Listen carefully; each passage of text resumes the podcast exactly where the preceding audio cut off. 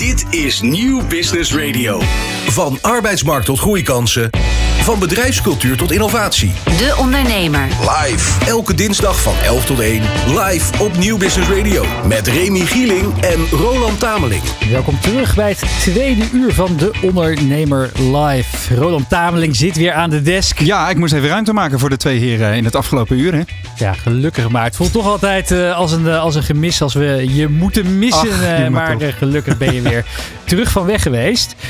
ondertussen, voor de studio, is een heel gaaf klein autootje gekomen. Daar gaan we om half één gaan we daar meer over Leuk is je, ze, hè? Kan je een klein tipje van de sluier op, oh ja, geven voor de kijker en luisteraar? Ja, er staat zowaar een Nederlands autoproduct voor de deur. Een auto die in, in Delft is ontwikkeld en in Voorhout wordt gebouwd. de Caris.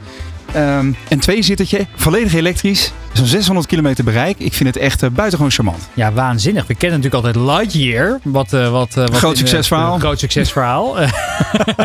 over, ja. over prikkelen gesproken. Nou, dit is, dit is precies dit is het tegenovergestelde inderdaad. Het Lightyear wilde natuurlijk, hè, die beloofde de hele wereld. En Caris is sinds 2014 bezig en doet het eigenlijk allemaal heel erg onder de radar. Tot ze dit product hebben, dat dat, dat daadwerkelijk ook verkocht wordt. Ja, ik zou iedereen aanraden om toch ook eventjes mee te ja, kijken op de livestream. Ja, want ja, het is een soort, ja, hoe, moet je het beschrijven? Het is een soort retro design. Ja. Met een interieur wat mij aan Spijker doet denken. Ja, de, de buitenvormen lijken een beetje op een, uh, op een klassieke Porsche. Hè? Een beetje 356 ja. zit er wel in de jaren 50, 60. En, uh, en nu uh, dus inderdaad een hele moderne aandrijflijn. Maar collega Robert gaat er straks Robert alles van der Ham staat in de startblokken om straks inderdaad over, nou pakken bij 25 minuten, hier ons alles over te vertellen. Blijf daar vooral hangen.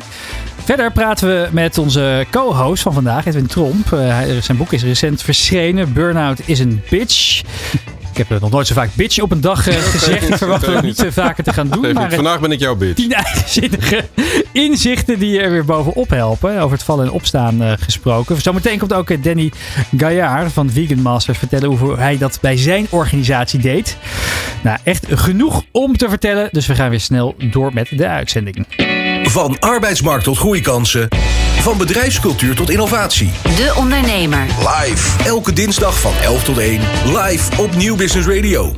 Ja, Edwin Tromp, je bent de voormalige CEO, directielid van talloze bedrijven. Mm-hmm. Uh, je kwam in 2018 in een burn-out terecht. Heb je daar weer uitgeklommen en over die weg, over die reis, heb je een boek geschreven. Mm-hmm. Um, of ja, moet ik een boek zeggen of een boekje? Want ik moet zeggen, ik vind hem prettig aan de korte kant. En dat zeg ik met alle, uh, alle lof van de wereld. Want je wordt als ja, doodgegooid met die hele vuist dikke boeken waar je ja, maar doorheen moet werken. Ik vond dit, uh, ik vond dit goed door te komen. Ja, je vliegt er echt doorheen. Ja, ja, ja het, nou hartstikke goed. Ik ben blij dat toch. En je mag het noemen wat je wil uh, als je het maar koopt. Ja. Uh, maakt me niet uit. Een boek of boekje, boeken. Boeken. Um, nee, ik noem het zelf een boek. volgens mij verkleinwoord heeft toch een beetje in zich alsof je er kleiner over denkt dan dat het is. En dat is voor mij juist heel erg groot.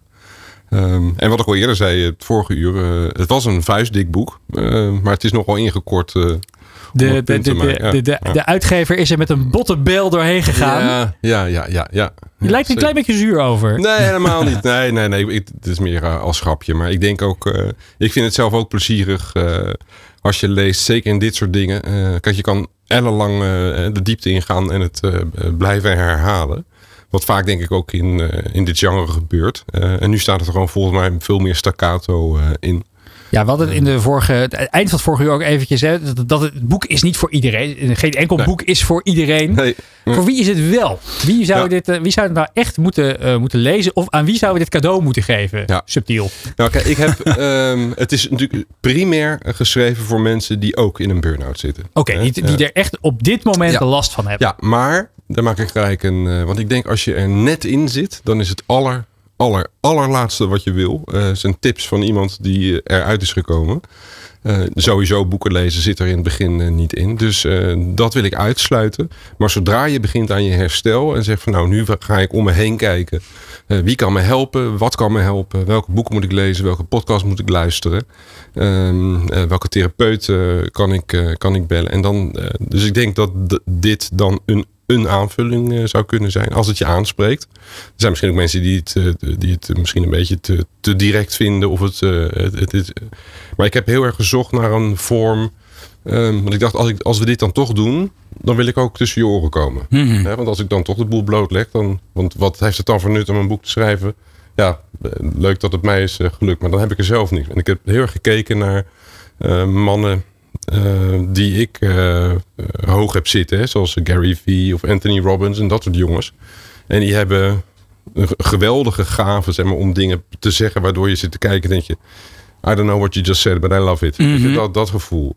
En eh, dus daar heb ik geprobeerd op mijn bescheiden niveau om, ja, om af en toe gewoon tussen je oren te komen. Eh, en of je het nou met me eens bent of niet, dat maakt me niet uit. Maar ik wil in ieder geval dat je dan, of ik wil proberen omdat je er dan over na gaat denken. Ja. Maar eh, wat me opvalt is, je zegt, eh, eh, dit boek is voor mensen die al in een burn-out zitten. Maar ik kan me ook voorstellen dat de lessen die jij eh, uit, je eigen, uit je eigen eh, geschiedenis deelt met de lezer, Ja. wellicht ook een soort voorkomend effect kunnen Voorkomen hebben. is beter dan genezen. Nou ja, in zekere ja, zeker, zin. zeker. Ja, en ik zei ook volgens mij ehm, eh, eerder, het is voor burn-outers, maar ook voor red racers. Mhm. En eh, dus primair inderdaad voor die burn-out. Maar ik denk ook, en het boek is uitvoerig getest, dus ik heb ook best wel veel eh, gehoord van mensen die niet in een burn-out zitten en die het gelezen hebben. En ja, die er toch wel dingen uitgehaald hebben. Ja. Kijk, ik hoor jou hetzelfde net ook zeggen. Eh, dus dat zou ik fantastisch vinden. eh, mede omdat je het misschien daarmee ook voorkomt. En Hoe, eh, even voor de kijker en luisteraar, het is misschien goed om te weten. Hoe heb jij dit zelf aangepakt? Heb je, heb je, heb je hier hulp bij gehad van externe? Of heb je dit echt uit jezelf eh, naar boven ge- ge- ge- getrokken? Ja, nee, nee, nee. Het, ik heb het zeker hulp gezocht. Ik heb eerst via eh, de dokterspost, om het zo maar eventjes te zeggen. Voor mij was het via de GGD of GGZ. ehm, een psycholoog gesproken. Ehm, en dat beviel totaal niet. Maar ook echt, echt helemaal niet. Anti-match. ja, ja, dat kan. Ja? Dat kan. En, maar ik, ik, ik had net ik had het idee dat ik voor mij de eerste met een burn-out was eh, in die praktijk. Dus eh, ze vond het razend interessant. Ehm, maar ik niet zo. Dus eh, dat, was dat was hem niet. En daarna heb ik gewoon wat meer huiswerk gedaan en eh, gezocht. En ik heb uiteindelijk een geweldige therapeut eh, gevonden. Ehm, die, die me zeker heeft geholpen. eh, op vlakken. Ehm, en zeker ook om natuurlijk de vragen te formuleren, formuleren die hier aan de grondslag lagen. Van wat, wat, wat zijn een beetje die diepere lagen. En, en, en ten tweede heb ik in dat hele proces. Eh, ik heb altijd boekjes bij me waar ik aantekeningen maak of tekeningetjes. Of, en ik ben gek op quotes, zoals je hebt kunnen lezen. Ja, ja, ja. Ik, eh, ik heb zelf heel veel quotes. eh, ehm, De wereld ingeslingerd. ja, ja, ja, ja. ik vind dat gewoon leuk. Ehm, en, ehm, maar ik kan ook smullen van quotes van anderen. Dus dat, dus dat had ik. en dat eigenlijk was het een soort boek. En dat was een grote weerwar. Want als je in zo'n situatie zit en je schrijft allerlei dingen op. Nou, de helft denk ik, dat kan ik nooit opgeschreven hebben. Maar het is toch echt mijn handschrift. Ehm, en, en, en op een gegeven moment ga je dat een soort van clusteren. En denk je, hé, hey, daar zei ik dat. En daar, dat, daar past dat bij. En zo is dat eigenlijk een beetje ontstaan. Dat ik dacht van, hé, hey, dit zijn een soort... En als mensen ook vroegen van, hoe ben je eruit bent gekomen? Nou, zo, zo kwam ik eigenlijk op mijn eigen narratief, zeg maar, hoe dat allemaal gebeurd is. Mhm. En toen dat een beetje ontstond, eh, toen heb ik een uitgever gebeld. Ben je niet eh, bang dat, het, eh, dat, dat, dat jij door je ervaring uit het verleden te ver afstaat van de gemiddelde persoon die dit boek gaat lezen? Dat, dat ze juist jouw kennis en ervaring, doordat je zo erg op de top van het zakelijk leven hebt gepresteerd, dat ze denken, ja, dat kan ik allemaal niet. En dat, eh, dat, Ja. dat, dat, dat staat zo ver van me af. Ja, nou, ik, ik vind het vriendelijk dat je dat zegt, maar ik denk dat we het ook niet moeten overdrijven. Ja, ik heb inderdaad, maar ik heb ook gewoon me naar boven gewerkt. En ik heb bij hele kleine bedrijven gewerkt waar ik zelf de facturen opmaakte aan het eind van de week. Hè, en, eh, en de schoonmaak regelde tot aan eh, inderdaad. Hè, dus ik heb gewerkt bij eh, kleine bedrijven die groot wilden worden of, of bij grote bedrijven. Dus, ehm, ehm, dus ja, ik denk dat, dat, dat het ook allerhande dingen zijn die niet zozeer ermee te maken hebben dat je een CEO moet zijn of, of een ander moeilijk woord. Ehm, ik denk dat voor iedereen het grip hebben op je eigen tijd, waar we het net bijvoorbeeld over hadden, Ja. dat is natuurlijk voor iedereen. Dat heeft niks mee te maken of je naar boven, onder of midden in een, in een kolom zit. Dat vind ik nog wel interessant. Je zegt, eh, eh, sommige dingen zijn voor iedereen. Eh, maar je geeft ook in je boek heel duidelijk aan dat je toen jij klaar was voor je eigen zoektocht hè, naar, naar praktische tips en tricks. dat je vooral een lijstje tegenkwam met, met punten die jou nul energie en inspiratie gaven, zeg je zelf. Je, Ja. Dan heb je het over een lijstje als in goed slapen, ook powernaps doen overdag, gezond en gevarieerd eten, koud douchen, perfectionisme ver- vermijden. Ja. Al je gedachten opschrijven, dat doe je dus al. Ja. Jezelf schouderklopjes geven, ook eens nee zeggen. Het zijn allemaal open deuren inderdaad. Ja. Die hielpen jou niet verder. Maar ehm, hoe zorgde je dan dat eh, hetgeen dat nu in jouw boek staat mensen wel verder gaat helpen? Wat, wat voegt jouw boek dan toe aan een, aan een interessante laag? Ja, nou, omdat ik denk dat ik, ik heb geprobeerd, althans, ehm, de- om, om je vragen te laten stellen, die ik mezelf ook heb gesteld, Mhm. die veel meer daarvoor zitten. Dus die niet gaan om, over het bestrijden van de symptomen. Hè? Want kijk, ik, ik doe het heel makkelijk af dat lijstje van ik had er niks aan. Ik Mhm. heb ook gemediteerd.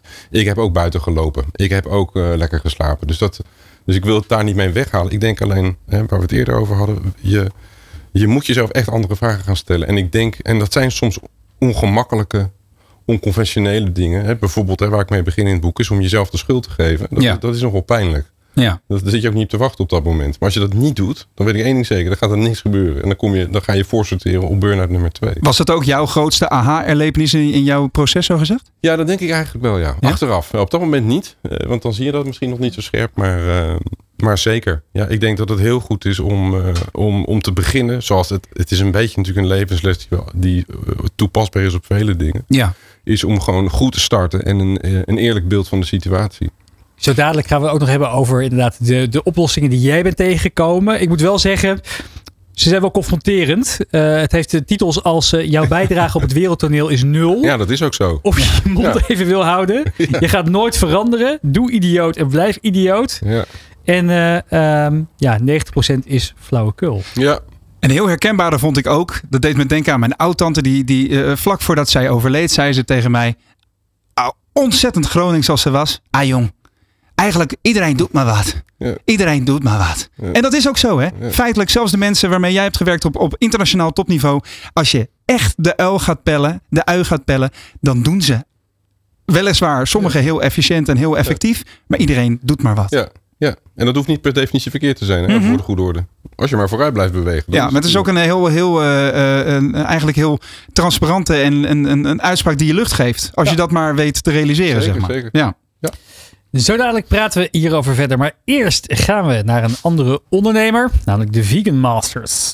Dit is De Ondernemer live op Nieuw Business Radio. Ja, we, gaan het, eh, we hebben het vandaag over vallen en opstaan. En eh, dat, eh, dat, dat ja, betekent diepe dalen, maar ook hoge, hoge pieken. En wie daar ook in zijn uitgebreide ondernemersbestaan dat vaak is tegengekomen, is onze volgende gast. Ik ben ontzettend blij dat hij bij ons in de studio is aangeschoven. Dani, Danny Galliard van eh, eh, de Vegan Masters. Danny, goed dat je er bent. Ja, fijn om te zijn. En Bedankt je, voor hebt, je bent niet met lege handen gekomen. Wat heb je voor ons meegenomen? Ik heb jullie over heerlijke gesprekjes meegenomen. Allemaal uiteraard plantaardig hè, bij Vegan Masters. Ja. En eh, ik zag jullie zo gas geven. Ik denk, nou ja, wat ik net al zei, voordat je het weet heb je een burn-out. Dus pak even wat lekkers en pak je even- tijd even. Want volgens mij is dat de oplossing. Vooral heel veel genieten. Ja, en Hè? eh, precies je eh, en gezond curry, eten. zalm, filet, Amerikaan. No, no, no chicken, no tuna. Eh, eh, nou, pesto is gewoon pesto. Ja. En, eh, en de filet americain hebben we. Mm. Dus eh, ja. Wat heerlijk. Hey, eventjes eh, voor eh, Vegan Masters, voor wie het niet kent. Wat, eh, wat doen jullie exact? Nou ja, wij noemen onszelf eigenlijk de veganizers van het huidige aanbod van eh, convenience eh, voeding. Eh, wat wij dus allemaal plantaardig maken. Ik probeer ondertussen even een crackertje weg Ja, te eten. ja, Dus gaan, ja. Roland, help mij. Ja, ik, ik zal je even uit de kruimels redden. Want ik zit inderdaad, ik had net al even een soort... eh, Sambaballen. eh, sambaballen inderdaad. Want ik heb hier twee potjes in mijn handen van Vegan Masters ook. Je kent ze wel. eh, het lijkt een beetje op, eh, op die, die zeg maar instant noodles die je kunt wel, wel kunt maken. Gewoon een, een, een, een potje, je gooit er wat warm water in, gok ik. En dan heb je een maaltijd. Vijf ik heb hier in mijn handen eh, de mealpot couscous Mediter- Mediterranean style en de pasta bolognese. Hoog in proteïne, laag in vet en laag in suikers. Nou, doe maar even een, eh, een, een, eh, een 15 seconden pitch. Wat maakt dit anders dan de andere producten die ik al kan vinden in het schap? Nou ja, laten we beginnen bij de Nutri-Score. Ehm, het schap eh, met, met betrekking tot de mealpots. En dat zijn inderdaad, wat jij zegt, dat is het schap waar die, de, noedel, de noedels Ja. allemaal in staan. Precies. Nou ja, daar, daar zie je dat eh, de eh, gemiddelde, daar wordt niet eens een Nutri-Score gecommuniceerd. Dus dat verbergen ze liever. Want veel, eh, veel vet, za- veel zout. Heel Ja, veel zout. Het zijn eigen bouillonblokjes. Precies. En nou ja, wij, wij bij Vegan Masters zijn juist heel erg bezig met de gezondheid. En hebben een A- en een B-status. Ja, want de couscous heeft inderdaad een A Nutri-score en de pasta bolognese heeft een, heeft een B. Hoe moeilijk is dat om dat voor elkaar te krijgen dan? Dat is een uitdaging. Ja? Dus, ja wat, wat is de grote ja. uitdaging? Nou ja, eh, om uiteindelijk ook nog dat smaakvol blijft. Dus dat is vaak de grootste uitdaging. Ja. Op z- zout zorgt natuurlijk voor smaak ook. En, eh, en dat, daar wil je omheen. Dus de kunst is altijd natuurlijk om het gezond te houden, maar het ook nog heel sma- smaakvol eh, te houden. Edwin, kunnen we jou verleiden om een uh, crackertje te proberen? Ja, maar dat, doe- dat wil ik best doen. Maar dan moet je me niet tegelijkertijd vragen stellen. Ja, maar dat moet je doen. Als jij even onze, onze proefkonijn bent. Ik voel deze grap al ehm, aankomen. dan zou ik even- precies hetzelfde doen. Precies. Nou, als jij dat dan even, Ik even ga op het je neemt. proberen. Ik neem lekker Dat die is de kip curry die waar geen Groot voordeel is dat je niet zelf het potje hebt hoeven openmaken. Hè? Dat scheelt Dat weer. scheelt, dat scheelt. Hey, eh, Danny, je bent natuurlijk niet alleen maar van, eh, van Vegan Masters. Je bent ook al twintig jaar ondernemer van Al Capone pizza's. Hoe heb je de kennis en ervaring uit het verleden ook hiermee naartoe genomen? Nou ja, wat, wat heel belangrijk is, en dat hebben we eigenlijk ook in de COVID-periode eh, van kunnen profiteren, is spreiding. Dus spreiding in hetgeen wat je doet. Focus niet te veel zeg maar, alleen op het retailkanaal, maar, maar zorg ook dat je je eigen distributie voor elkaar hebt. En, eh, en daar waren we eigenlijk wel heel erg blij mee toen wij, we begonnen in 2019 november met Vegan Masters. Nou, ja, drie maanden later zaten we met z'n allen in de eerste lockdown. En, en doordat we zo breed waren in onze distributie en ook distributie hadden direct eh, B2C, eh, konden wij door blijven draaien. En hadden wij de oplossing, zeg maar. En, eh, en ja, ook dat specifieke verkoopkanaal, dat accelereerde op dat moment eh, harder dan we verwacht hadden. Ja, tegelijkertijd was het niet makkelijk. Ik las dat jullie zelfs zes maanden uit de lucht waren geweest. Ja, er zijn een paar slagen die we moeten maken. Eh, laat, laat ik vooropstellen dat wij eh, nooit de ambitie hebben gehad om een productiebedrijf te zijn. Eh, dat werden wij wel. Toen ik vier jaar geleden op het idee kwam met Vegan Masters, kwam ik bij productiepartijen naar binnen met de vraag van, joh, zou die voor mij willen produceren? En toen werd ik gezien als een of andere, nou ja, bomenknuffelaar, spiritueel leider en vond me maar raar verhaal. Ik zie dat doen. En, ja, en, nou ja, wa- wa- wat je merkt is eigenlijk dat ze ook, ook die productiepartijen wat dingen geprobeerd hadden, maar nooit echt daarvoor gingen. Hè? Dus, en eh, ik zeg altijd maar, je bent ook niet een beetje zwanger, dus als je ergens gaat, moet je ervoor gaan ook. En dat, maar dat durfde niemand. En ze stonden dus ook niet open voor ons. Dus uiteindelijk noodgedwongen moesten wij zelf gaan produceren.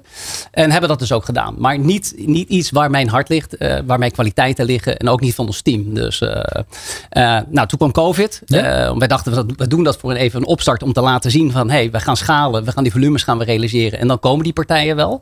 Maar toen bleven we dus hangen in die productie. En, eh, en dat, dat, dat, dat, dat heeft eigenlijk eh, te, lang, te lang voor ons geduurd. Edwin eh, Tromp, eventjes eh, proefkonijn van dienst. Wat, eh, wat, wat, is, wat is uw oordeel over de Vegan Masters? Wat had je? Kip curry? Niet kip curry? Ik had kip curry zonder kip. Ehm, nee, en niet omdat je erbij staat, maar ik vond het eh, heerlijk. Dankjewel. Ja, ik, als je mij een eh, test zou doen en er eentje met kip, eh, dan had ik dat niet geproefd. Nou ja, dat horen we ook heel veel. En er wordt dan vaak ook gevraagd, ja, maar wat is dan de favorite? Nou, we hebben die pesto variant erbij. En eh, nou, daarvan horen we eigenlijk altijd van, die vinden we lekkerder dan het huidige aanbod. Maar dat komt dat er, nou ja, prijs is natuurlijk overal heel erg belangrijk. Ja. Bij ons ook, maar, maar wij zijn er wat creatiever in. En we hebben andere oplossingen gevonden om die prijs goed te krijgen. Wij hebben een vervangen wij dan weer bijvoorbeeld voor de dure, dure parmezaan wat erin zit. Ja. Maar veel anderen die hebben daar dan weer geen basilicum in zitten, maar eh, spinazie. En dat hoort helemaal niet in een. eh, dus dan krijg je een hele verkeerde smaak. En dan horen we eigenlijk 9 van 9 van de 10 keer dat ze die pesto eigenlijk nog lekkerder vinden dan de normale aanbod. Ja, de pesto Ja, is ja. heerlijk. Die had Ja, die ik had jij net net. aan het begin van de uitzending toen het eventjes qua timing niet helemaal lekker ging. Hey, ehm, hoe staat het met Vegan Masters? Wat, eh, wat kan, je- kan je ons even meenemen in, in de, de, de, de, het reilen en zeilen, Ja. de staat van dienst? Hoeveel van dit soort prachtige producten mogen er over de toonbank rollen? Nou ja, wat, ik- je gaf het net zelf aan. We zijn er even een, zes maanden uit geweest. En eh, omdat wij wat slagen moesten maken. Het belangrijkste wat wij, wat wij eigenlijk constateerden vanuit duurzaamheid. Dat wij, eh, we hadden klanten als Spar, als Geteer, eh, als koopsupermarkten. En, en, en dan merk je dat eh, als we kijken naar het eh ultravers stuk genoegen nemen met bijvoorbeeld een, een verspil van 40%. Nou, dat is iets wat bij, bij ons dus helemaal niet past. Wij, als we het hebben over verduurzaming, willen we het beste jongetje van de klas zijn. Ja. En, en die verspil lag veel te hoog. En dat was niet specifiek naar het plantaardige. want Wij presteerden eigenlijk boven eh, verwachting. Eh, maar dat is gewoon waar ze mee kunnen leven. En, en wij konden er niet mee leven. 40 procent. Ja, Dat is gewoon ingecalculeerd in het businessmodel ja, dus. Ja, ja, ja. Dus, eh, en wij schrokken er zelf ook enorm van. Eh, je bent met heel veel passie en liefde je mooie dingen aan het bereiden. Maar als je dat soort getallen hoort, daar, daar schrik je dus van. Dus ik heb gezegd, joh, wij als producent moeten daarin gaan veranderen. Wij moeten dingen anders gaan doen. Om dat uiteindelijk, om jullie daarbij te gaan helpen. Hè? En eh, gedaan. Dus we zijn op zoek gegaan naar partijen die nu wel open stonden voor vegan masters. Die hebben die groei meegemaakt. We konden andere getallen konden we overleggen. En we zijn er ongeveer al met al een jaar mee bezig geweest om eigenlijk alles onder te brengen bij schaalpartners. En, en dat, die slag hebben we nu inmiddels achter ons. Maar we hebben wel uiteindelijk een half jaar lang eh, zijn we uit de ether geweest. We hebben gewoon gezegd van joh, dit kan niet, dit past niet bij Vegan Masters. Eh, we hebben de ondersteuning gekregen van onze aandeelhouders. Die hebben gezegd wij geloven erin. Dan als jij zegt van dat, dit, dat, dat we deze, dit pad moeten gaan bewandelen, dan moeten we dat ook gaan doen. Nou, en we zijn dus nu net weer terug, zeg maar, eh, om het hele apparaat te testen, zeg maar. En, en uiteindelijk weer alles weer op de rit te krijgen. Dat is dapper eh, ook eigenlijk, hè? Een pas op de plaats. Heel. Edwin? Ja, ik ben, ik ben verbaasd. Nee, hartstikke goed. Nou, ik vond het ook heel moeilijk. Dus, Ja, nee, dat hoef je mij niet uit te leggen. Nou ja, Je vertelt het heel makkelijk. Maar, Ja. eh, Ik ben wel even benieuwd, hè, want we hebben natuurlijk vandaag in de uitzending ook over, over hè, men- mentaal welzijn. Met dat eh, prachtige boek van, eh, van, eh, van Edwin, onze co-host, die eh, is uitgekomen hierover. Wat deed het met je persoonlijk, zo'n zo, zo, zo, zo'n periode waar je doorheen gaat? Ook post-COVID, maar ook inderdaad om dit soort stappen te nemen. Ik kan me voorstellen dat het ook wel veel stress en, en, en werkdruk met zich meebrengt. Nou ja, ik zou een mooi voorbeeld geven. Mijn, mijn, eh, mijn vrouw, die, eh, eh, nu pak een beet, iets, denk acht, negen maanden geleden, eh, bij Centraal werd ze van de fiets afgegooid ongeveer. En brak haar sleutelbeen. En eh, dat was eigenlijk eh, net dat die lock- lockdowns er weer vanaf waren. En het apparaat kwam bij ons enorm onder druk te staan. Want wij verloren heel veel eh, kwalitatieve mensen die we teruggingen in de kanalen. Dus we hadden heel veel mensen die overqualified waren. Die waren bij ons aan het werk, maar die verloren we. En we bleven met een relatief kleine groep blijven overstaan. Ja, dan moet je vrouw, die moet gewoon de volgende dag met een gebroken sleutelbeen, staat ze gewoon daar in de productie, waar ze helemaal niet thuis hoort en nooit voor gekozen heeft. Ja, En dat waren wel voor ons dingen dat we zeggen, joh, we moeten, dit moet anders. Dus, dus, dus los van het hele verduurzaming, maar ook gewoon naar druk naar de keten toe, zeg maar.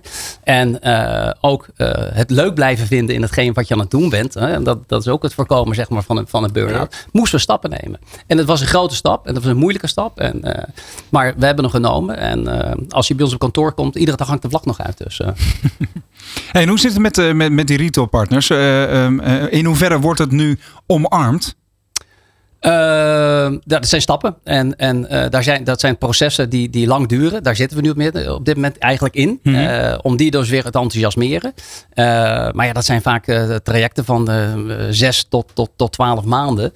voordat je daar zeker van bent dat je daar weer naar binnen komt. Toch maar, wel? Ja, terwijl het ja. toch echt tientallen procenten groei is in die, dat deel van de markt. Absoluut, absoluut. Maar, maar je merkt gewoon dat de, de processen, zeg maar, vooral bij de grote bedrijven, ja, die zijn lang. Over dus, wat, voor, wat voor partijen heb je het dan? Ja, de, dan heb ik het over uh, de, de grote retailers, zeg maar. Ja. Dus, uh, en, die, die kunnen niet uh, nu direct op iets inspringen en zeggen, joh, drie maanden later hebben we het in het schap liggen. Ze hebben twee momenten, twee instroommomenten per mm -hmm. jaar eigenlijk maar. Mm -hmm. En ja, dat is een beetje de timing wanneer je dan binnenkomt en of, of dat, dat dan past ook weer. Maar wat, wat wij gezien hebben, wat heel belangrijk is, is dat wij dus nu gekozen hebben voor een veel duurzamere oplossing. En dat is alles lang houdbaar. Wat je net, die, die sambalballen, ja. deze, de, de mailbots, de mailbots, ja, die, die, die zit een TET van 12 maanden zit erop. Uh, de spreads die hebben vijf weken. Dat is de kortste TET die we hebben.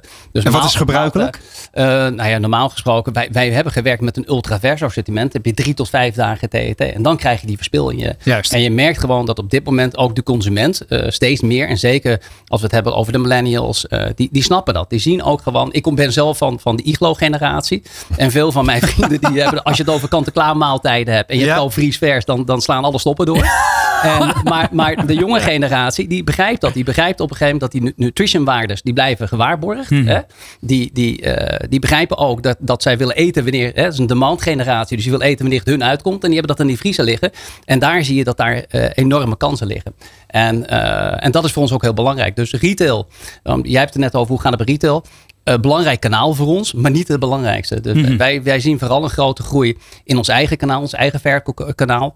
En, uh, en ik denk dat je daarmee ook de meeste waarde creëert uiteindelijk voor het, voor het bedrijf en je aandeelhouders. Is dat je belangrijkste doelgroep, millennials? Um, dat dachten wij wel. Maar we hebben het ook geconstateerd uit onderzoek. Dat ook een oudere groep, zeg maar, van mijn eigen leeftijd, de 50ers en 50-plussers, mm -hmm. ook heel graag gebruik maken van deze dienstverlening. Ja, en dan heb ik het specifiek even over thuis laten bezorgen van, uh, ja. van maaltijden. Mm -hmm. ja. Die kiezen dus ook voor gemak, ja. Die kiezen absoluut ook voor gemak, ja. In hoeverre, vroeg ik me nog even af, heb je kunnen leren van uh, andere ondernemers die al uh, de, de, de vegan uh, kastanjes uit het vuur hebben gehaald, zo gezegd? En Jaap Korteweg bijvoorbeeld, de vegetarische slager, tegenwoordig doos vegan cowboys. Ja, vegan kastanjes. Ja, ja, ja, dat is per definitie zo natuurlijk, maar je snapt wat ik bedoel. Um, op welke manier is er, wordt er kennis uitgewisseld tussen mensen zoals jij? Nou, er zijn steeds meer congressen ook, beurzen. En uh, ondernemers spreken elkaar zelf. Uh, nou, ja, ja, hij, is, hij is natuurlijk een legend uh, in hetgeen wat hij, wat hij gedaan heeft. Ja. En de visionair die hij is, dat hij het gezien heeft al zoveel jaar geleden. geldt ook trouwens voor Vivera. die waren ook al twintig jaar geleden, waren, zagen ze deze stroming al op gang komen. Mhm. Ik zag het vier jaar geleden.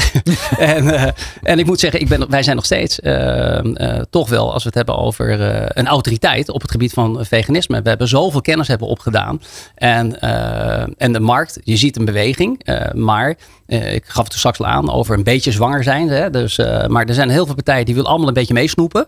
Maar durven niet volledig eh dedicated te gaan. En zijn ook daardoor, vind ik, ongeloofwaardig. Dus, Ondertussen eh, moet je ook nog eh, El Capone's eh, eh, eh, drijvend, eh, drijvend, drijvend, eh, drijvend houden. Hoe, hoe, hoe behoud je daarin de balans tussen twee, tussen twee organisaties? Eentje die al twintig jaar bestaat, de andere supersnel groeiend, vier Ja. jaar. Wat, wat, eh, wat, is, Nou ja, wat, is je, wat is je trucendoos daarbij? Eerder, hij zal meer een reactieve houding. Dus, eh, dus, en dat heeft ook ermee te maken dat mijn hart zit bij Vegan Masters. Ik ben zelf veganist, eh, nu al bijna vijf jaar.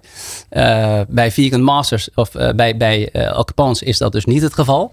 En, en dat maakt het best wel heel moeilijk. Dan kom je regelmatig in de spagaat terecht. En vandaar dat ik ook zeg, ja, meer een reactieve houding met El Capone's. En, en de focus volledig op Vegan Masters. Ik kan me voorstellen. Ja. Hoe, doe, hoe doe je dat? Want ik- Je, je, je, je, je zwaait toch de scepter. Ben je dan, eh, ben je dan eh, van plan, eh, proef ik hier een verkoop aankomen?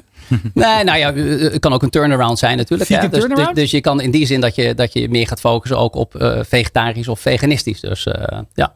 Nou, we, we, we, ja, we, we, ja, we- we moedigen het van harte aan in ieder geval.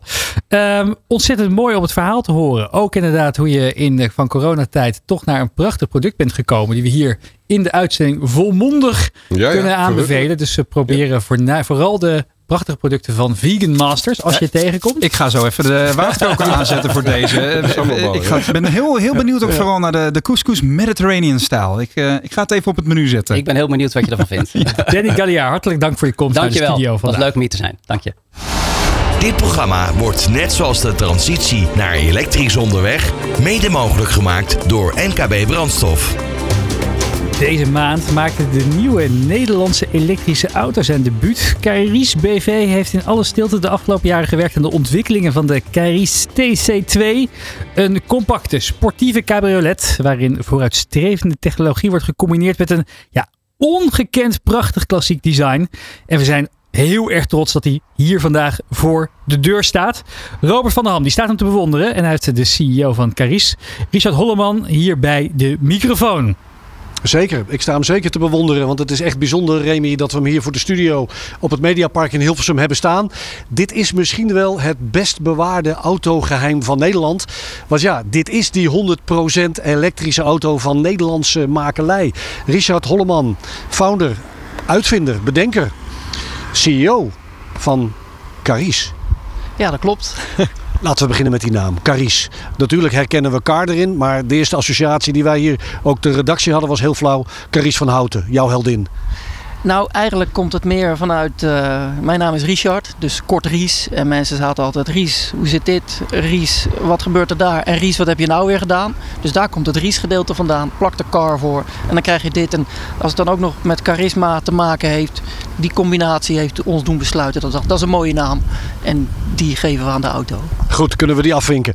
Maar wat een pracht exemplaar is dat hier, Richard. Want ik gaf net al aan, en dat was eh, helemaal niet grappig of cynisch bedoeld, het best bewaarde autogeheim van Nederland. Maar voor ons gevoel was hij er wel ineens.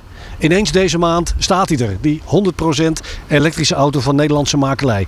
Wat heeft zich achter de schermen in voorhoud zich allemaal plaats, plaatsgevonden? Wat is daar gebeurd? Nou ja, kijk, voor ons gevoel was die er niet in één keer. Want we hebben toch wel eh, jarenlang zijn we er hard aan aan het werken geweest om te zorgen dat we een zo mooi mogelijke auto konden maken. En dat hebben we bewust hebben we dat achter de schermen gedaan. Want we zijn er gewoon achter gekomen. Auto's maken is niet zo makkelijk.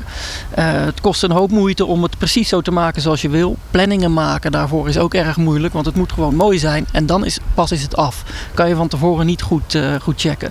Dus voor de buitenwereld is het inderdaad zo alsof er ineens een auto naar buiten komt. Wij zijn daar jarenlang wel hard mee bezig geweest. Maar ja, dat is dus ook meteen de reden. Achter de schermen werk je lekker rustig en kan je werken totdat je denkt, zo is het echt goed. Laten we eens beginnen bij het proces, bij het design.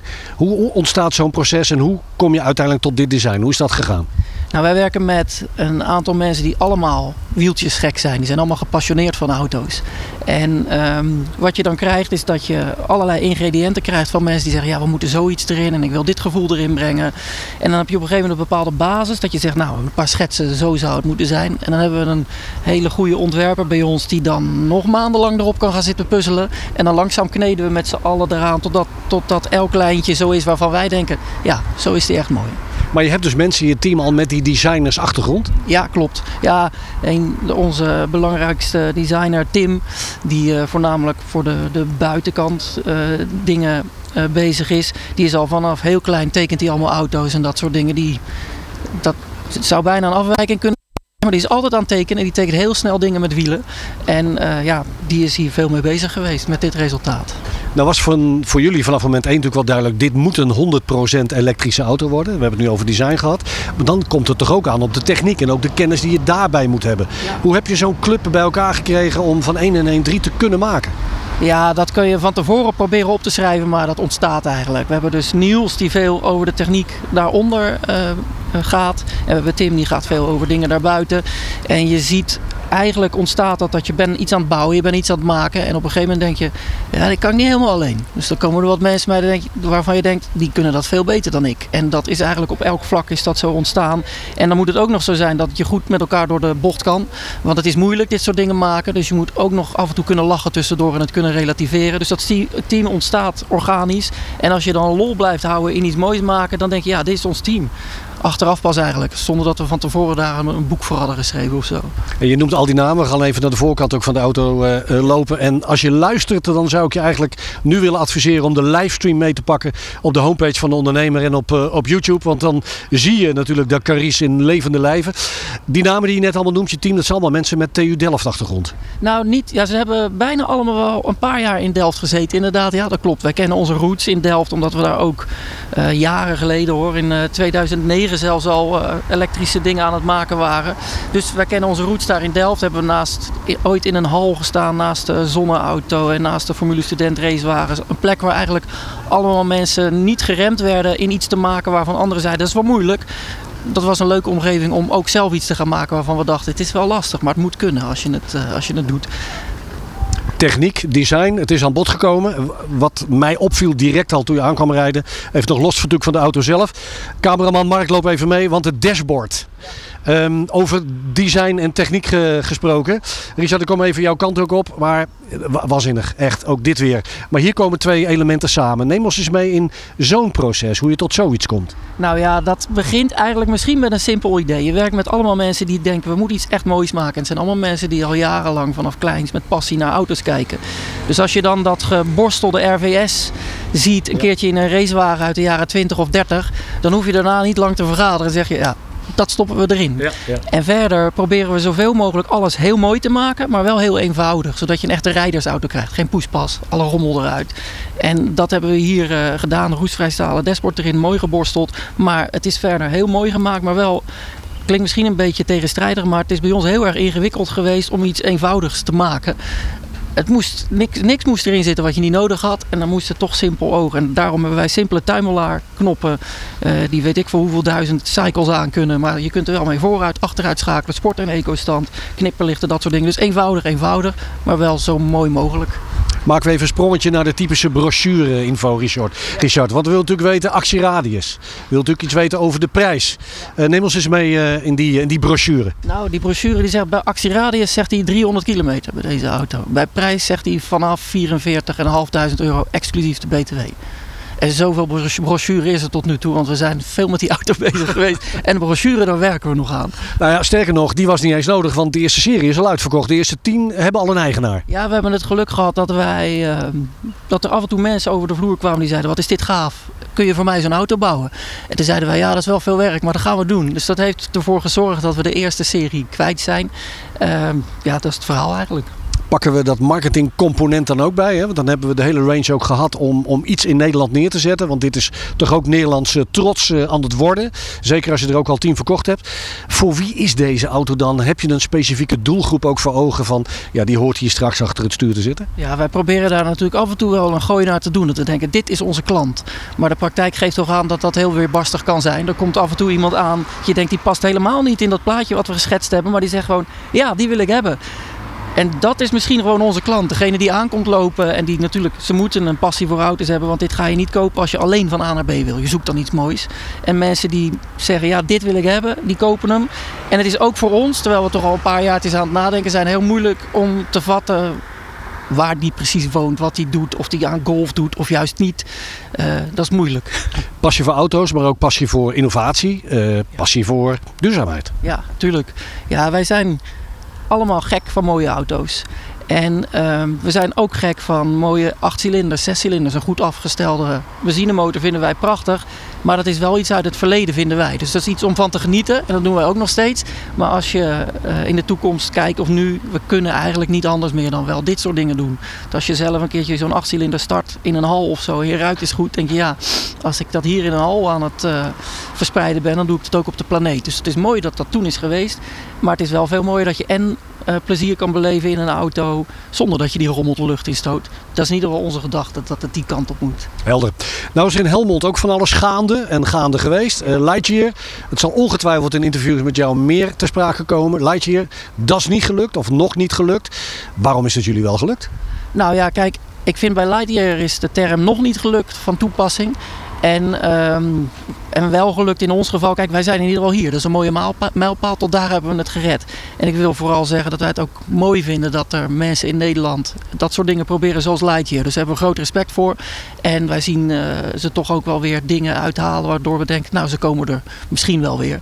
Ehm, dus ja, alle respect voor hen en ik hoop dat ze het gaan redden en eh, dat er nog meer mooie Nederlandse dingen komen. En wij doen het op onze eigen manier. Eh, in kleine stappen eh, proberen we iedere keer daar te komen waar we heen willen. En dan zeggen we, ja, dit is gelukt, dat laten we zien. Eh, en dat is een hele andere manier. Er is geen goed of fout in die strategieën. Maar dit is onze strategie en het past ook natuurlijk bij mooie auto's die met de hand worden gemaakt. Daar kun je rustig stapjes nemen, een paar klanten vinden en dan weer langzaam doorgroeien. Eh, zo, Laatste vraag, Richard. En dat is een typische ondernemersvraag. En toch ook nog een linkje nog met Lightyear. Eh die typische ondernemersvraag is de financiering. Dit heb je toch maar rondgekregen met een bepaald kapitaal om dit te kunnen bouwen. Ja. Bij jullie in die fabriek in Voorhout met alle mensen die je ook net noemde. Hoe heb je dat rondgekregen, die financiering? Nou, ehm, we hebben. één hebben we een hoop gehad aan eh, klanten. Die zeiden gewoon: dit wil ik hebben, dus daar wil ik voor betalen. Als we- Die betalen vooruit. Die betalen vooruit een gedeelte. Dus dat gaf voor ons eh, één de zekerheid dat we iets maakten dat dat niet helemaal voor Jan Joker was. En ehm, twee hebben we ook een aantal financiers gevonden. En dat zijn meestal ook mensen die eerst een auto kochten of langskwamen. En die dan al een paar keer zeiden: ja, als je een investeerder zoekt, dan kunnen we eens praten. En dat wij dachten: dat hebben wij niet nodig. Maar later bleek toch wel dat dit soort dingen ontwikkelen. En zeker als je dan wil opschalen en als je het verder wil uitbouwen, dat het kapitaalintensief is. En daar hebben we dankbaar met een aantal hele leuke mensen een clubje kunnen vormen. Waardoor we dit hebben kunnen mogelijk maken. Kijk, en hier staat ze dan, hè, om dan toch even dit persoonlijk voornaamwoord voor eh, te gebruiken. Ehm, ja, ik durf het bijna niet te vragen. Vraag het maar. Maar mag ik even? Dan gaan wij terug naar de studio, naar Roland eh, en eh, Remy. En dan eh, gaan wij even een stukje toeren. Want eh, ja, dit is een, eh, een cadeautje op deze mooie dinsdag in Hilversum. En dan zou ik zeggen, haar in de wapperstand en ga met die banaan. Waarvan akte, dankjewel. Richard Olleman. Geweldig om te weten. Iedere uitdaging is een kans om met een slimme oplossing te komen. Daarom wordt dit programma mede mogelijk gemaakt door MKB Brandstof.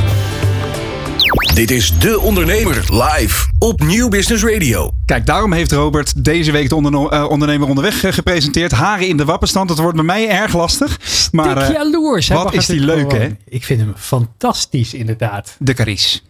Ja, heel mooi. Ik was ook wel benieuwd. Zou, zouden jullie hem, zien jullie hem zelf dat je hem gaat, gaat rijden? Nou ja, ik vind, eh, eh, ik vind de huidige autowereld erg saai worden op het moment. Dat je, eh, zeg maar, alle grote fabrikanten die blijven weg van de avontuurlijke modellen. Want die willen zoveel mogelijk marge pakken op hun modellen. Omdat natuurlijk de switch naar elektrisch enorm veel geld kost. Dus de, de, de leuke auto's met een knipoog en met een beetje onzin en rafelrandje, die zijn verdwenen, zeg maar. Sportieve auto's ook. Dat, het, het is allemaal heel erg pragmatisch op het moment. En dan zijn dit soort kleine spelers dus een perfecte aanvulling op wat je eh, in de normale showrooms niet meer vindt. Ook als je, hè, als je een, een potje geld extra hebt, eh, zo'n zo'n 55.000 euro. Ik vind niet weinig geld voor een auto waar ik waarschijnlijk eh, niet in pas. Maar, Ja, ehm, maar het is natuurlijk ook wel een stukje Nederlands, Nederlands trots. Ontzettend Wat- wat- welke automerken kennen we nog van Nederlandse bodem naast Lightyear? Ja, dan, eh, dan blijft het stil. hè. Ja, Donkervoort is natuurlijk een heel groot zeker. voorbeeld. En, eh, en ook echt wel internationaal staan zij ook echt op de kaart als pionier. Ze zijn heel goed Ja. op het gebied van, eh, van koolstofvezel bijvoorbeeld. Ook echt industry leading. Mooi. Dus, dus, en je hebt heel veel kleine start-ups natuurlijk die dit wel proberen. We hebben er in de show ook al diverse gehad. Eh, je ziet veel start-ups nu ook op tweewielers gaan zitten. Elektrische scooters, stepjes, dat soort dingen. Maar de auto aan zich, eh, ook met al die Europese regels die er tegenwoordig zijn. Op het gebied van veiligheid, op het gebied van uitstoot, op het gebied van technologie. Zo'n ding is buitengewoon complex. En daar kom je pas achter op het mo- moment dat je moet gaan bouwen. Het is ook niet voor niets dat, eh dat Caris sinds 2014 al bezig is om dit daadwerkelijk op te schalen. Ja, Veelzeggend. ontzettend knap. Edwin, zou je eentje willen... Ehm, Willen rijden? Curaçao-auto ten uit, eh, bij uitstek nou, ik natuurlijk. weet niet of je in de, in de fikkende zon in een cabriolet wil zitten. Geval een petje op. Ik, zeg- ja, ja, heel veel petjes en zonnebrand. Eh, nee, het is denk ik voor waar ik woon. eh, maar ik ben met je eens, het is Ne- Nederlands trots. Het is natuurlijk fantastisch. Toch gaaf dat we ja, dit gewoon in Delft kunnen ja. ontwikkelen. Hey, ik zag en, trouwens laatst ook wel dat, eh, dat ging meer over stadsauto's. Dat was ook een Nederlands initiatief. Maar die hadden eh, zonnecellen in het dak. Ja, heb ik inderdaad ook. eh, Die heb ik voor mij nog op de CES in Vegas gesproken toen Ja. in januari. Ja, super heb jij, ehm, eh, ben je een beetje automan zelf? Nou, eh, ik heb altijd op motor gereden. Ehm, dus een, dus een, een, een, een, een petrolhead. Ah, dan tel je ook mee hoor, wat Ja, mij betreft. Ja, zeker. ja, ja, ja. Ja, we gaan zo meteen naar onze gast die is aangeschoven in de studio. Job van den Berg. Aangenaam. Goed dat je er bent. Yes, leuk om weer te zijn. Ja, eh, denk je dat je die, die Model 3 die je nu voor de deur hebt staan gaat inruilen voor de Caris? Ik vind hem Als heel. het eh, con- de leasecontractje afloopt? Ik vind het een hele mooie karakteristieke eh, auto. Wat me opvalt namelijk met de huidige elektrische auto's die op de markt komen. Het is allemaal eenheidsworst. En alles is tegenwoordig premium. Ik bedoel, als, je Oh ja. Als je elektrische auto koopt, is altijd de snelheid zit er altijd in. Vanwege de elektromotor. Maar ook valt mij op, ik weet niet of dat waar is Roland, dat het de, de uitrustingsniveau ook aan een hoger niveau is getild. Ja, je ziet daar twee kenteringen. Eh, enerzijds de opkomst van de Chinese merken die gewoon zeggen: jongens, wij doen geen, eh, geen lijstjes met optiepakketten meer. Alles erop en eraan voor een vaste prijs. Dat is natuurlijk ook de manier waarop ze zich onderscheiden van de massa in Europa. Ehm, en je ziet dat eh, veel fabrikanten in de hogere segmenten zichzelf manifesteren, omdat daar de marge zit. Dus kunnen ze er wat aan overhouden. Dus de, de auto, elektrische auto die betaalbaar is en ook nog een beetje leuk, ja, die moet ik nog, eh, die moet ik nog zien. Daar Ja. gaat de Caris trouwens, kijk we via de livestream. Even zwaaien naar. Robert van Ham. Nou die inderdaad eh, daar heerlijk in die cabrio het Mediapark wordt eh, overgereden. Hey, we hebben het vandaag in deze uitzending van De Ondernemer Live over duurzaamheid, maar ook zeker mentaal welzijn. En Job, jij bent onze vaste data- en AI-expert van dienst. Daar, je column gaat daar vandaag ook over. Klopt helemaal, want we leven in een daadgedreven wereld waarin alles wat we doen sporen van data achterlaat. Correct geanalyseerd kan deze data inzicht geven in ons gedrag en onze mentale gezondheid. Sterker nog, met een juiste toepassing van data en AI kan uitval op de werkvloer voorkomen worden. En dat hoeft niet heel ingewikkeld te zijn en grote zakken met geld te kosten. Neem bijvoorbeeld ons gebruik van sociale media als voorbeeld. Dit is een heel concreet voorbeeld hoe data kan helpen om uitval op de werkvloer te voorkomen. Wist je bijvoorbeeld dat veranderingen in ons taalgebruik op sociale media een teken kunnen zijn van toenemende stress? Bedrijven kunnen deze signalen oppikken en vroegtijdig actie ondernemen. Een andere manier om verzuim op de werkvloer te voorkomen is het vooraf voorspellen hoe werknemers zich voelen en hoe het met ze gaat via surveys. Bijvoorbeeld verzekeraar ASR heeft het tool eMood geïntroduceerd, een employee mood monitor zoals ze dat noemen, waarmee ze wekelijks aan de hand van verschillende korte stellingen de stemming van werknemers meten op het gebied van werkgeluk, werkgeluk de vitaliteit en productiviteit. Door de enorme hoeveelheid en diversiteit aan verzamelde gegevens en de koppeling met verzuimdata zijn ze in staat om psychisch, psychisch verzuim te voorspellen. Het negatief beoordelen van een reeks stellingen zoals als ik aan mijn werkweek begin voel ik me opgeladen en ik besteed bewust aandacht aan mijn mentale gezondheid is een zeer betrouwbare voorspeller voor een toekomstige ziekmelding. Met deze tool wordt het mogelijk om het verzuimpercentage op een bepaalde afdeling in de toekomst te voorspellen. En dus kun je als bedrijf of leidinggevende al vroegtijdig interventies inzetten om dat te voorkomen. Ook kun je de werknemer anoniem wijzen op een gesprek met een psycholoog of bijvoorbeeld een assertiviteitscursus. Het mooie van dit soort actieve dataverzameling, dus het anoniem uitvragen van stellingen in combinatie met AI, is dat het gaat om variabelen die een bedrijf ook daadwerkelijk kan beïnvloeden. In tegenstelling tot achtergrondkenmerken zoals leeftijd, geslacht, inkomen of reisafstand. Dit zijn vaak ook goede voorspellers van verzuim. Alleen, ja, die kun je vaak lastiger in iemands inkomen of leeftijd veranderen. Het voorspellen van een dreigende burn-out bespaart een bedrijf heel veel geld op het gebied van begeleiding, productiviteitsverlies, vervangingskosten voor personeel en een hoge werkdruk van collega's die het verzuim moeten opvangen. Als je dan nog wat verder zou trekken, kan een AI-systeem bijvoorbeeld ook voorspellen wie risico loopt op een burn-out op basis van een combinatie van antwoorden op vragenlijsten, zoals net genoemd, maar ook bijvoorbeeld ja, werktijden, productiviteit en zelfs steminnotaties uh, in uh, vergaderingen. Met dit soort toepassing komt het ethisch en privacy wel terecht om de hoek kijken, maar de logica erachter is heel slim. Door alle factoren die mogelijk van invloed zijn op de kans op een burn-out bij elkaar te brengen, kun je onderliggende dimensies en mechanismen in beeld brengen en zo proberen om de werkelijkheid in een model samen te vatten. En als je hier goede data voor gebruikt over een lange periode, dan hebben deze modellen een goede verklaringskracht. Bij iedere werknemer is een uitval vaak een samenspel van unieke persoonlijke omstandigheden, maar vaak is er ook een gemene deler. Een generiek samenspel van factoren dat een verhoogde kans op ziekte verklaart. En dat mechanisme kan perfect middels AI naar boven worden gehaald. Sterker nog, hier is kunstmatige intelligentie uitermate goed in. Samenvattend. Ja, op het eerste oog eenvoudige datatoepassing zoals een survey onder werknemers kunnen in combinatie met AI mogelijke uitval op de werkvloer voorspellen en helpen om preventieve maatregelen te nemen. AI kan de onderliggende mechanismen voor ziekteverzuim in kaart brengen. Dus wat bepaalt nou waarom de ene medewerker wel of niet uitvalt? Als je deze inzichten gebruikt om verzuim te voorspellen, individuele interventies op maat te bieden en voor algehele preventie, dan zijn data en AI een geweldig middel om het welzijn op de werkvloer te verbeteren. En mogelijk ook de kans op burn-outs te verkleinen. Succes! Ja, hoe kijk jij ernaar? Edwin, als ervaringsdeskundige van ja. dienst. Ja, ja, ja, wie had dat ooit gedacht? Dat ik dat nog een keer zou worden. ik weet niet wie er allemaal trots op me is geworden nu. Maar nee, ik vind het, uh, ja, het, het inzicht dat je gaat voorspellen is natuurlijk fantastisch. Het is ook heel erg voor de hand liggend. Het is raar dat men dat zo ook niet uh, zelf uh, naar voren is gekomen. Ik denk wel dat je een flinke dataset nodig hebt. Uh, het is namelijk nogal wat als je iemand daarmee confronteert. Uh, je komt wel even heel dicht bij iemand. Dus ik denk dat het belangrijk is dat we die privacy goed uh, in de gaten houden. Maar ik vind het idee om. kijk, als je kijkt naar de afgelopen jaren naar het. Naar het naar, als je het even ziet als een ziekte. Dan waar we doorgaans proberen om ziektes te voorkomen. Of als je het krijgt, dat je het dan zo snel mogelijk herstelt. Dan geldt voor een burn-out precies het tegenovergestelde. Dus in plaats van dat het gedaald is, is het, is het toegenomen. Mm. En ook de mensen die het hebben, hebben het veel harder te pakken dan. Dus ik denk dat de beroepsgroep tot op heden niet heel erg trots op zichzelf hoeft te zijn. Dat ze lekker bezig zijn, toch? Uh, als, als we even de data mogen geloven. Dus ik denk dat als we kijken naar nieuwe manieren om te kijken hoe we dat dan wel kunnen aanpakken. Ja, dat dit zeker de moeite waard is. Fantastisch, dankjewel daarvoor. Ja, ja, ik weet toevallig dit voorbeeld van, van ASR. Volgens mij zijn ze dit al drie jaar aan het doen en wekelijks niveau. En ook dat ze delen met bijvoorbeeld de manager en dat de manager ook daar een gesprek over heeft. En dat is misschien wel ook wel aansluiten wat je net zegt van... Uh, dan hou je dat ethische privacy stuk een beetje af. Want dan wordt het meer een gespreksstoel dan een soort van... we houden je in de gaten of uh, we gaan voorspellen op. Maar meer een conversatiestuk, zeg maar. Ja.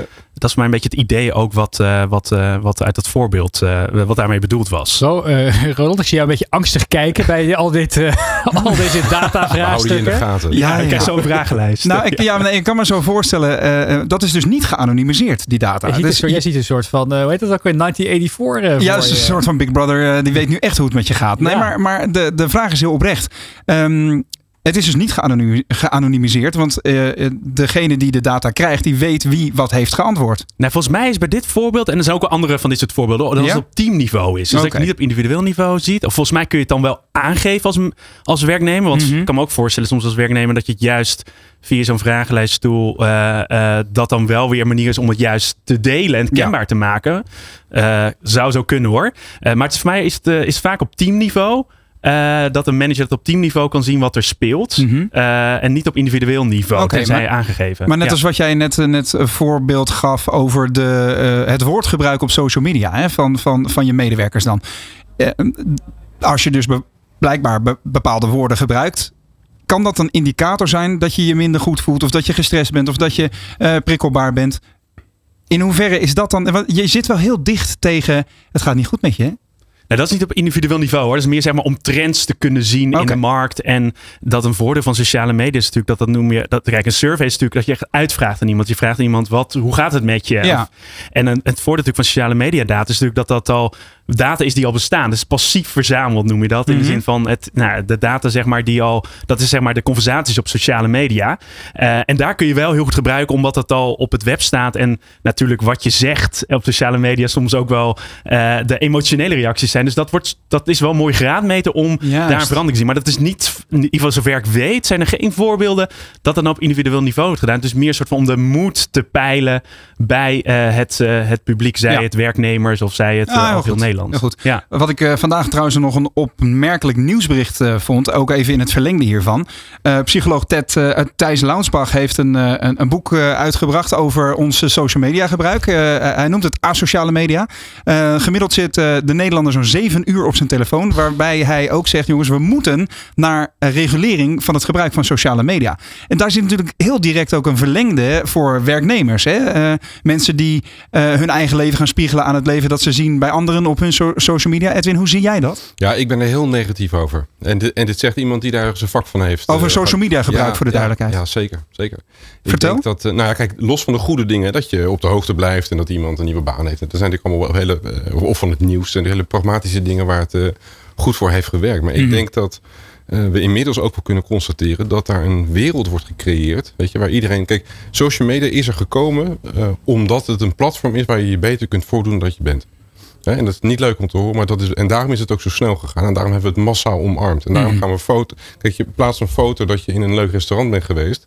Weet je, eh, waarom zou je dat in godsnaam doen? Dat doe je om te laten zien aan anderen dat jij dat hebt, hebt ontdekt. En dat Ja. jij er als eerste was. En dat je ook genoeg geld verdient dat je dat allemaal kunt betalen.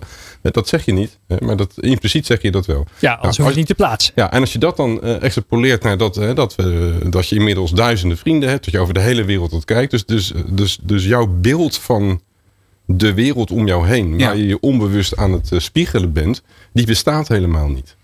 Weet je? En, eh, en, en ik vind het lastig aan, aan spiegelen, is dat je inderdaad altijd, en dan zoek je de dingen die je niet kunt, of die je niet hebt. Of die je ook had willen. Weet je, het, het- het is altijd een beetje in het negatieve. Mhm. En daardoor heb, heb ik het vermoeden dat, dat we allemaal een heel veel negatiever zelfbeeld aan het ontwikkelen zijn. Weet je, terwijl ik het veel jammer vind, dat, want de waarheid is namelijk dat ook hier bij elkaar zitten, is, is op DNA-niveau zijn wij uniek. Mhm. Ja? Dat is geweldig, weet je. En dus wat wij toevoegen, wat jullie toevoegen aan jullie organisatie of ik hem, dat is iets unieks. Ja, maar we doen alles hè, met man en macht om zeg maar, daar waar we niet goed in zijn, om dat te verbeteren. Ja? Met als risico dat je straks heel goed bent geworden in je zwakheden. Ja? En het idee is natuurlijk veel beter om te zeggen van, weet je, ja, ik ben wie ik ben en ik kan misschien niet alles, maar ik heb heel veel toe te voegen. Dus ik vind het veel belangrijker dat je dat moet vieren in plaats van dat je constant bij man nog bezig bent om alles af te vlakken en dat we allemaal op elkaar gaan lijken. Mhm. Dus en, en, en Even luchtig. eh, ja, even lekker, lekker Ja. vrolijk eindigen inderdaad. Eh, maar social media gebruik, social media gebruik is Zeker, dus, even een slokje water nemen. Iedereen depressief. social media gebruik is dus heel, heel handig om als bedrijf te zien zeg maar, wat de trends zijn in, in eh, de samenleving en Job. Ehm, of zou het voor de, eh, eh, eh, eh, het psychologische, de psychologische rust in een organisatie beter zijn om gewoon alles de deur uit te doen? Nou, ehm, het, het ligt een beetje aan precies wat je zegt. Hoe je sociale media gebruikt. Is het vanuit bedrijfsdoeleinden of is het anderszins? Eh, ik denk sociale media gebruiken om het moed in organisaties te peilen. Dat dat vrij enge manier is om dat te, te doen. Letterlijk en figuurlijk. Eh, en, en ook natuurlijk dat sociale media natuurlijk niet een intern communicatietool is. Behalve natuurlijk het intranet wat, vaak, eh, wat vaker is. Meer algemeen gesproken en vanuit dataperspectief is zeg maar textuele data ook bijvoorbeeld bij een klantenservice of conversaties op sociale media. Eh, dat is gewoon een, een- daar, daar zijn we heel goed in, ook door een ChatGPT, door taalmodellen om daar hele waardevolle informatie uit te halen. Dus laat ik even spreken vanuit datasperspectief en wat voor inzichten je uit kan halen, is sociale media een heel interessante bron. Maar ik zou het zeker niet gebruiken Misschien om. wel eh, een leuke, leuke tip voor de kijker of luisteraar nog eventjes over het, eh, om het datastukje ook af te sluiten. Is, eh, moet je, eh, gooi eens gewoon eh, heel veel content wat, wat je ooit hebt geschreven, of recentelijk eigenlijk, in ChatGPT. En vraag eens of die daaruit jouw persoonlijkheid kan destilleren. destilleren. Oh jee. Hele Ja. leuke exercitie. Heb je dat zelf gedaan? Om een keertje te doen. Daar gaan we het later over hebben. Ja. Volgende week gaat een hele uitzending over data en AI. Dus eh, eh, bereid je daar maar vast op voor. Wordt vervolgd. Ja. Eh, Edwin, ik wil graag eh, met- afsluiten met, eh, met jouw tien eigenzinnige inzichten. En die gaan we natuurlijk niet in vier minuten Nee, nee, behandelen. dat gaat niet lukken. Maar wat ik, eh, eh, wat ik wel wilde doen is, ja, je hebt er tien opgeschreven en je hebt voor het boek van je uitgever al heel veel moeten schrappen. Ja, als iemand nou ergens moet beginnen, wat is je, wat is je favoriete inzicht? Wat Ja, is, eh, waar, eh, dan- waar, wat, waar moeten we Ja, dan, beginnen? beg- ja, dan begin ik eh, wat ook het eerste inzicht is. En dat is ook als je begint in je herstel. Kijk, als je de diagnose krijgt, dan in het begin doe je niks. Maar al vrij snel komt er een moment dat je gaat reconstrueren wat er in godsnaam met je gebeurd is. En die gemiddelde reconstructie gaat als volgt. Ik heb het heel druk gehad. Ik heb keihard gewerkt. Ik kreeg meer en meer e-mails. Eh, mijn collega's liepen de kantjes eh, ervan af. Dat moest ik ook doen. Mijn baas ging s'avonds mailen. Dat moest ik ook doen. Ehm, en ik had nog zo gezegd tegen HR, jongens, dit is te veel. Ik had nog gezegd tegen de baas, jongens, ik, krijg dit, ik kan het zo niet volhouden. Niemand wilde luisteren. Ehm, en nu zitten we met de gebakken peren. Want nu zit ik thuis met een burn-out. Weet je, dus zo gemiddeld. En of, het nou, of je nou je baan verliest of je vrouw voor je verlaat. Het zijn allemaal een beetje dezelfde type reconstructies. En wat je dan doet, is natuurlijk dat je kijkt naar die boze wereld om je heen. En daar ligt het aan.